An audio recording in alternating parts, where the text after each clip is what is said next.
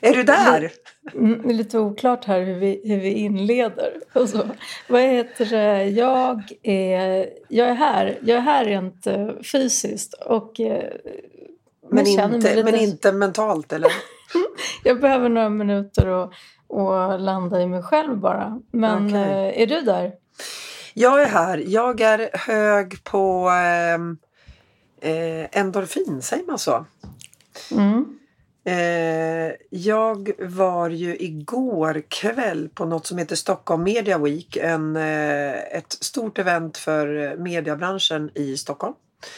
Eh, och var inbjuden eh, att sitta i en panel och prata om eh, kompetensförsörjning.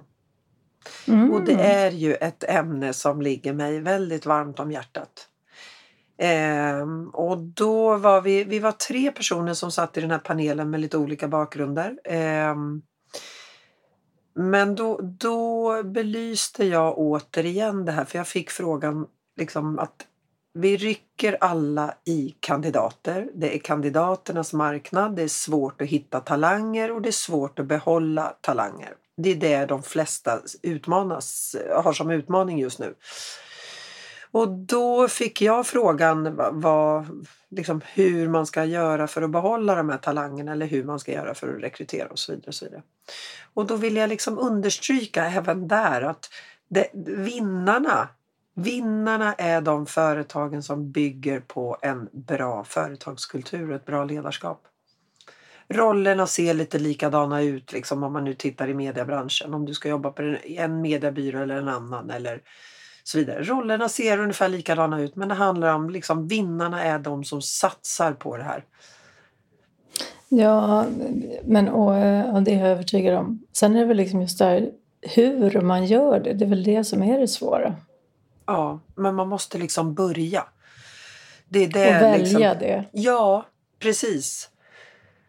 För det, det, är ju därför, det är ju det som, det är det som gör att man vill byta jobb. Det är, det är för att man vill hamna i ett annat sammanhang. Man vill jobba på ett företag med, med bra värderingar och så vidare. och så vidare. Mm. Det där är mm. intressant tycker jag. Så att eh, en fartfylld eftermiddag och eh, intressanta diskussioner, massa inspiration och en härlig fest på kvällen. Därav så låter jag lite skrovlig idag. Eh, för att det här är ju en ganska ung bransch. Så du eh, släppte liksom loss ordentligt? Då, nej, men du vet det är hög musik och så ska man försöka prata och så får man skrika och så är det rökmaskiner och det är dålig luft och du vet tant har ju ändå gått och blivit 52 år så att jag, nej, jag känner mig lite sliten idag. Men ändå hög på endorfin. Maria, nu bara mm. kommer på, är det två år sedan snart sedan vi då hade vår lilla touchdown i Sundsvall ja, där vi blev insnöade. Ja. Och jag fick världens finaste 50-årspresent av dig. Som jag mm. kommer ihåg vad det var? Ja, oh ja. Eh, vant, alltså skidvantar. Skidvantar som jag har använt och som är så där lyxigt varma. Mm. Så det, det är jag väldigt glad över. Det är jag väldigt vet, vad jag, vet vad jag minns från Sundsvall? Nej. Nej. När vi var insnöade och eh, jag lite smådesperat eh, går ut och springer där. Och alltså jag var helt genomblöt när jag kom hem för det var så här snöblandat regn. Det var det. Ja, det kommer jag ihåg. Och då, ja, det kommer jag också ihåg att du kom hem och då hade jag inte ens slagit upp mina ögonlock liksom. Du hade Nej. varit ute och sprungit tidigt, tidigt på morgonen innan jag ens hade vaknat. I detta mm. snöstormande. Nej, du har ett pannben som få, Andrea. jag, hade, ja. jag har ju inte riktigt det och jag har inte den där karaktären heller. Utan jag hade kanske vaknat och sen tittat ut och bara nej, idag är det ingen idé. Det regnar. Mm. Mm. Men vi var ju också insnöade av en anledning. Det var ju storm. De varnade ju för att gå ut. Och då går du ut och springer. Ja men det var så. Och vi blev ju kvar där två dygn. Vi kom ju upp till Åre mycket senare. Och så. Ja, nej, men det var faktiskt, eh, så var det. Men eh, alltså förra gången så avslutade vi, eller vi pratade sista delen om det här med personligt ansvar. Och kopplat till jobb och så. Ja. Och det roliga är faktiskt Andrea att jag fick ett mejl häromdagen kring det där. Och jag skulle väldigt gärna vilja läsa upp det. Och sen så mm. att vi eh, hjälper den här personen med något form av klokt svar eller en god insikt. Mm. Eh, nej men jag fick ett mejl häromdagen så står det så här. Jag funderar lite över det här med personligt ansvar också gällande att den anställda har sin egen situation, eh, att hämta hund eller barn och så vidare. Absolut, såklart. Om man själv valt en situation, till exempel att skaffa en coronahund, så har man ju ett ansvarstagande gentemot sitt jobb. Men hur gör man om rollen förändras där de nya arbetsuppgifterna eller projekten krockar med den personliga situationen? Eller om den personliga situationen förändras utan att det är ens eget val. Till exempel att ens partner eller barn blir långtidssjuka, separation eller någonting annat. Mm. Hur gör man då? Ja men det här är ju inga lätta saker men, men då menar, tror jag, den här personen att hur, hur gör man då? Vart ligger det personliga ansvaret? Och hur gör man i en sån situation när ens roll då hastigt förändras och så vidare och så vidare. Vad tycker du? Vad tänker du kring det här?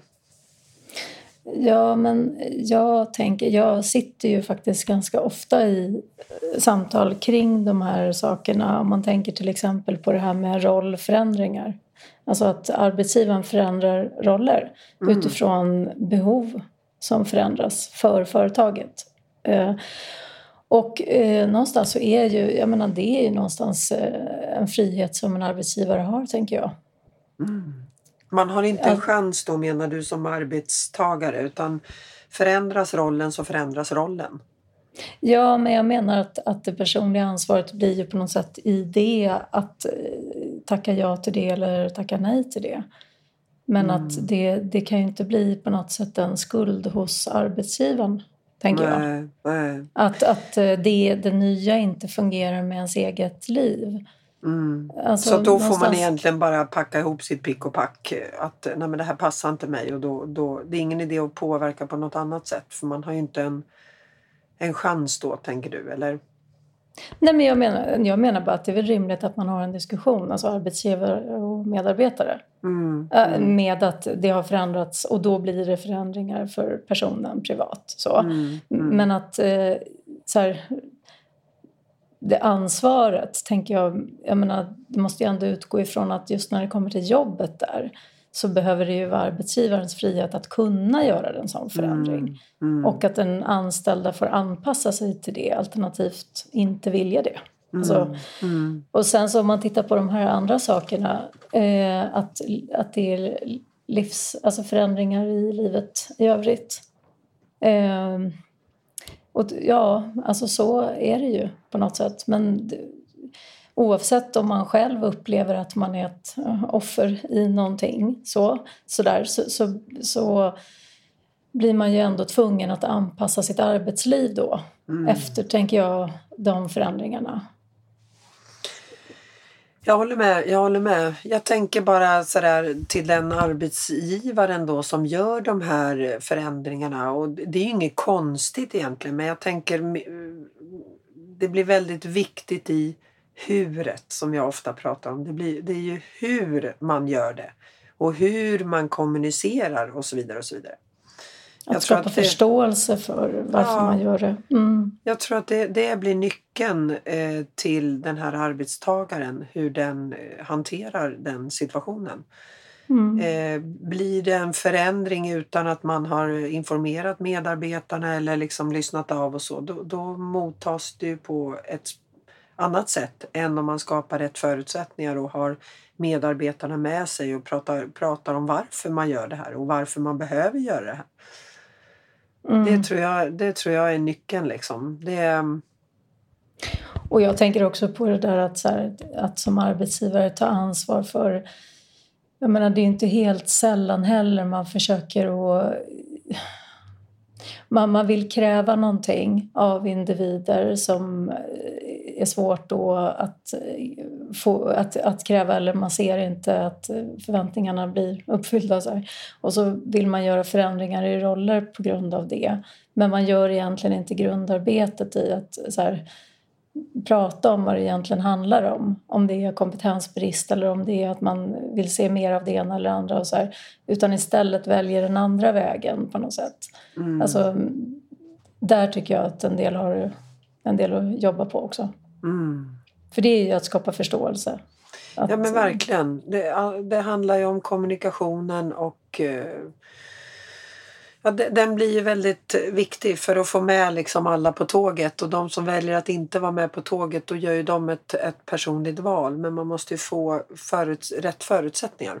Och också det som arbetsgivaren inte är nöjd med så tycker jag att man har en skyldighet att, att uh, prata om de sakerna i tid. Mm. Ja, men det var en intressant fråga eh, och det är ju det här, många brottas ju med det här såklart. För att det, det, är, vi lever i en föränderlig värld, det är mycket som kastas om och man trodde att eh, man skulle göra det här på, på sitt jobb och sen så blir rollen eh, omkastad och förutsättningarna ändras. Och det, det, det träffar jag väldigt många människor som blir utsatta för och det, eh, det är ganska vanligt tror jag. Mm. Så att det ställer ja, ju stora krav på, på, på arbetstagaren. Liksom att man behöver lite finna sig i att det slängs om och att förutsättningar ändras. Och, jag menar, ta bara nu när vi kommer in i en eh, stundande lågkonjunktur. Det är klart att förutsättningarna ändras och då, det måste man ju liksom hänga med lite på. Eller inte. Man får Eller välja det. Precis. Men då behöver man ju ta det personliga ansvaret att göra något åt, åt den situationen.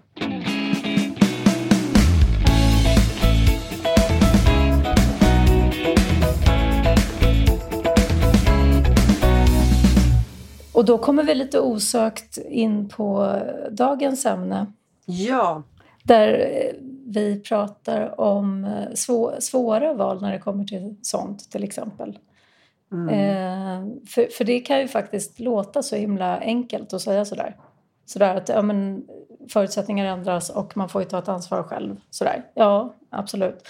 Eh, men det kan ju vara ganska svåra val för många. Alltså mm. allt ifrån att eh, man är, kan tänka sig att göra något helt annat och skapa förutsättningar för det kan ju vara en ganska stor utmaning om man eh, mm. sitter med ansvar till exempel för barn också och sådär. Alltså, ja, det är en ekonomisk, eh, ekonomisk för många. Eh, mm. Så.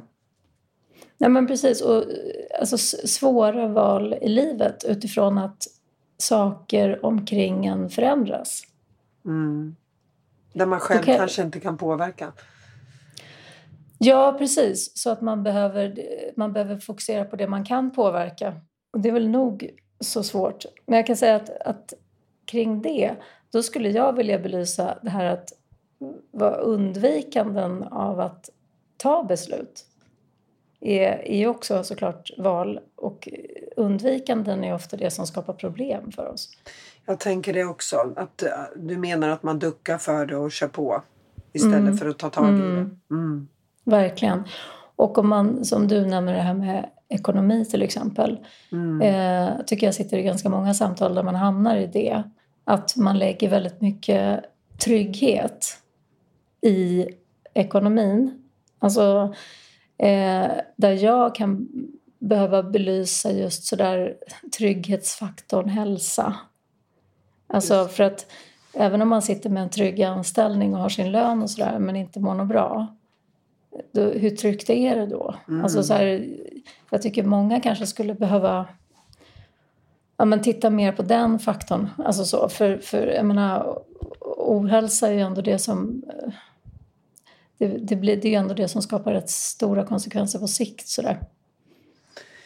Men träffar du många som har satt sig i en sån situation att, att det blir, man kommer inte ur situationen av ekonomisk olika eh, utmaningar.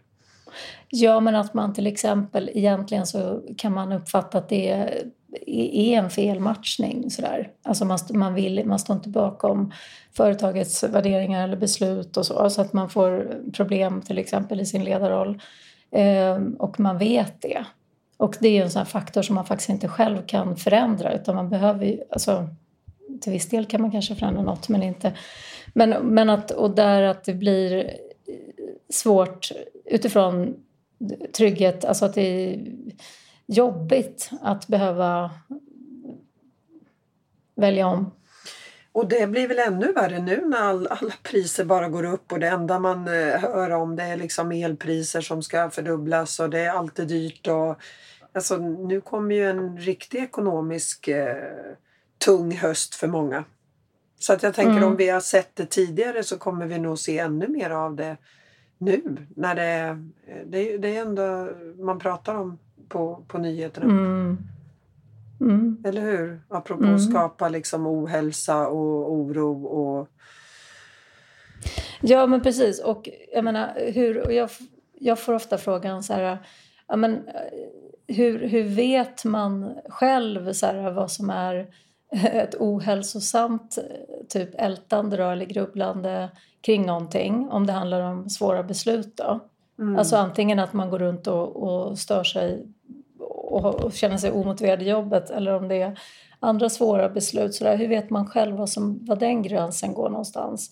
Och jag brukar tänka så att, men, alltså, att man går runt och funderar, ältar kring någonting eller grubblar så här. Bara det är ju liksom ett tecken på att någonting kanske inte är helt hundra för en själv. Mm. För, för, att alltså om, om det är det, om man trivs eller om så här, då gör man inte det.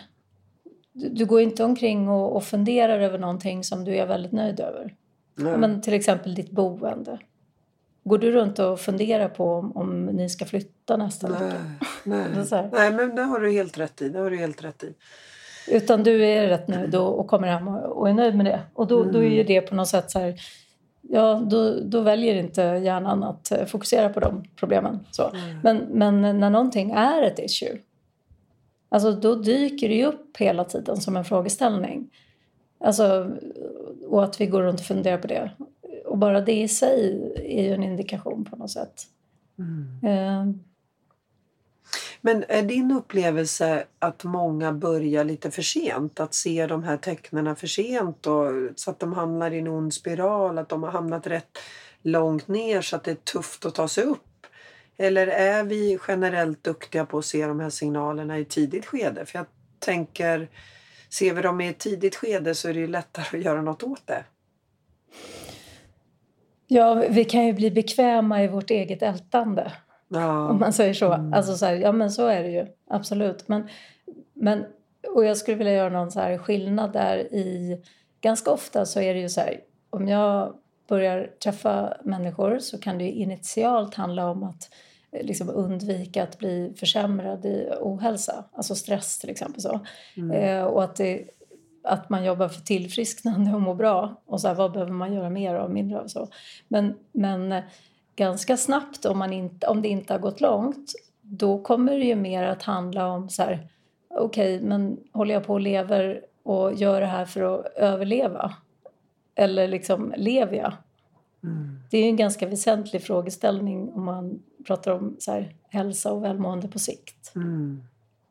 Alltså, om vi till exempel tar det här med att eftersträva alltså trygghet, alltså trygghetsfaktorn så här, kan ju många ha ett ganska stort behov av så här, som blir kopplat till jobbet eller så här. Det kan ju handla om eh, långvarig relation eller familjesituation så här. Men, men att eh, trygghet, att, att man bara säkerställer trygghet. Det kan man ju rätt lätt se handlar ju ganska mycket på en ganska basal nivå. Så här, överleva. Mm. Mm. Förstår du vad jag menar? Alltså, ja. du, du, kan ju ha väldigt mycket trygghet i livet. Fast jobb och där du trivs hyfsat bra. Så här, och ekonomiskt så är det tryggt och så. Men man kan ha rätt mycket frånvaro av eh, lust och motivation. Mm. Alltså där man får kämpa rätt mycket för att känna sig motiverad. Ja, och för att finna den där lusten. Liksom. Men det är också det här återigen personliga ansvaret. Liksom. Det är där vi landar igen. Tänker jag. Ja, precis. Och, och, det, men det, och det kan ju vara lätt att säga. Mm. Det är, det och, och lite svårare att... Utföra, såklart. Eh, ja, precis. Men där tänker jag någonstans att man, att man kan ju börja i änden av om man inte mår väldigt dåligt. För det var det du sa, ifall att man går länge. Längre ner, ja. ja, precis. Det, men där menar jag att man kan ju börja i änden av vad det är för frågor som eller vad det är för tankar som dyker upp hela tiden och, och maler. Mm. Och tvingas till förändring. Alltså gud vad jag... Ja. Det, där, alltså, det är ingen lätt grej. det, här med, det här med förändring. Alltså så här, på, ett, på ett visst... På en viss... Eh, Nivå. Olika, mm. Ja, men exakt. Mm. Och vi har ju olika triggerpunkter vad som är svårförändrat och vad som går ganska lätt. Jag tänkte, jag sa för några veckor sedan att så här, men jag kan nog hantera förändring på med de stora livsfrågorna hyfsat så här, men att jag kan ha svårt så med omställning i vardagen. Så. Men, men sen tänker jag så här, ja men det var ju också väldigt förenklat. Det förstår ju du med. Ja. Eh, jag har ju jättesvårt med stora förändringar som, jag, som man behöver göra. Så här. Jag tycker man får slita eh, med det hela tiden. Ja, men det, är ju, det är ju ganska stora frågor och ganska krävande. Det, jag, jag tror att många instämmer med att göra en sån förändring. Alltså, ju större förändringar desto mer krävs det ju. På något sätt. Det är inte helt enkelt. Det är, det är, stora frågor vi pratar om här i den här podden. Som inte, ja. som inte är liksom gjorda med en handvändning. Liksom. Men, men det viktiga är väl att man bör, liksom börjar reflektera över det. Men vet du vad jag skulle säga där? Jag, jag håller med dig både och. Du säger att ja, men, stora förändringar kräver en stor insats. Men jag skulle också säga att man underskattar ju också den insatsen man gör när man inte gör förändring. Alltså för det är också en väldigt, så här, det är egentligen ganska krävande. Mm. Att, vara, att vara typ missnöjd. Verkligen. Och att det inte, det, det, det, liksom man kan bli trygg eller bekväm i sin missnöjdhet. Så här, men, men att man underskattar ju ofta den insatsen som krävs också av att mm. gå runt i någonting som egentligen mm. typ genomföra ett jobb dag in och dag ut som du inte riktigt är motiverad. Jag kan inte tänka mig något Nej, och det är liksom ganska svårt för en arbetsgivare som, som har den eh, typen av medarbetare som bara går runt och är missnöjd. Det är ju enormt påfrestande. Och för individen själv. Och för individen själv. Och de runt omkring, så är det ju. Det, mm. Jag, jag kan ju bli förvånad ibland när jag träffar personer som, som jag träffade för fyra år sedan som var väldigt missnöjda på sin arbetsplats och ville byta av olika anledningar. Och sen träffar jag dem fyra år senare och de är kvar. Mm, och är mm. lika missnöjda. Ja. Mm. Men och i, jag tänker mycket på, för att jag tycker att jag eh, är där just nu kanske själv också faktiskt, men också så här, i samtal med andra. Men det här att en kraft för förändring. Jag tänker att det, det blir så ofta ett fokus här på att man fokuserar på frånvaro av ohälsa. Förstår du vad jag menar? Att det är så mm. att det, att det är så här, man mår inte jättedåligt eller man så. Och att, eller att man är stressad och vad behöver man göra för att inte bli utmattad typ. Alltså, alltså det, men det man tycker jag sällan belyser det är så här motvikten som är just så här ja, men, lust och så glädje i livet. Och, alltså, och att, att aktivt jobba med att förstärka de delarna själv. Mm. Då är det ganska mycket som kan komma av sig själv menar jag med förändring. Mm. Mm. Alltså att om du börjar våga på något sätt så här, utforska för egen del. Liksom så här, men vad, vad, är det jag verkligen skulle vilja? Och börja göra saker mot det. Så, så att lusten får växa och motivation får växa är ju också en kraft i att driva förändring. Mm. Istället för fokus på att det är så hårt och tufft och jobbigt och belastande att, att göra en förändring. Ja, absolut. Men ja, man kan ju också använda de, de, det som är positivt och förstärka mycket, mycket mer. Och det, det kan jag se att många behöver jobba med, inklusive mm. mig själv. Då. Ja. äh, intressant. Jag tror att det, inte bara för att min hals börjar ge vika och min röst, men jag tror att det får liksom avsluta dagens eh, avsnitt för vi går på övertid här nu, Andrea. Ja, och då ska vi komma ihåg att eh, ställa frågan till dem så att vi får in flera mejl kring det här med svåra val. Precis. Eh, det, det uppmuntrar vi till. Ja, och frågor. Och jag skulle gärna se att vi fick in lite svar också. Att lite bra tips. Hur, hur gör ni där ute kring de här frågorna? Ja. Kan, man kanske har något lyckat exempel som man vill bjuda på. Och som sagt, alla, alla svar som vi förmedlar här är ju anonyma. Men, men det tycker jag skulle vara jättekul att höra. Eh, någon som har lyckats med det här och eh, eh vänt det till det positiva. Mm. Och då kommer, eftersom du har lite jobbigt med din hals mm. så kom jag på nu ett tips då. När man står inför, kan ta jobbbyte eller någonting. Nu tar jag så ofta det för att det är det du sitter med. Ja, precis. Det är min vardag. Ja, det är din vardag. Jag sitter med andra utmaningar också. Men, mm. men eh, ett tips då, det är ju så här, förstärk lusten. Så blir det, så blir det enklare så där, i uh, att göra valen men också att driva förändring. Mm.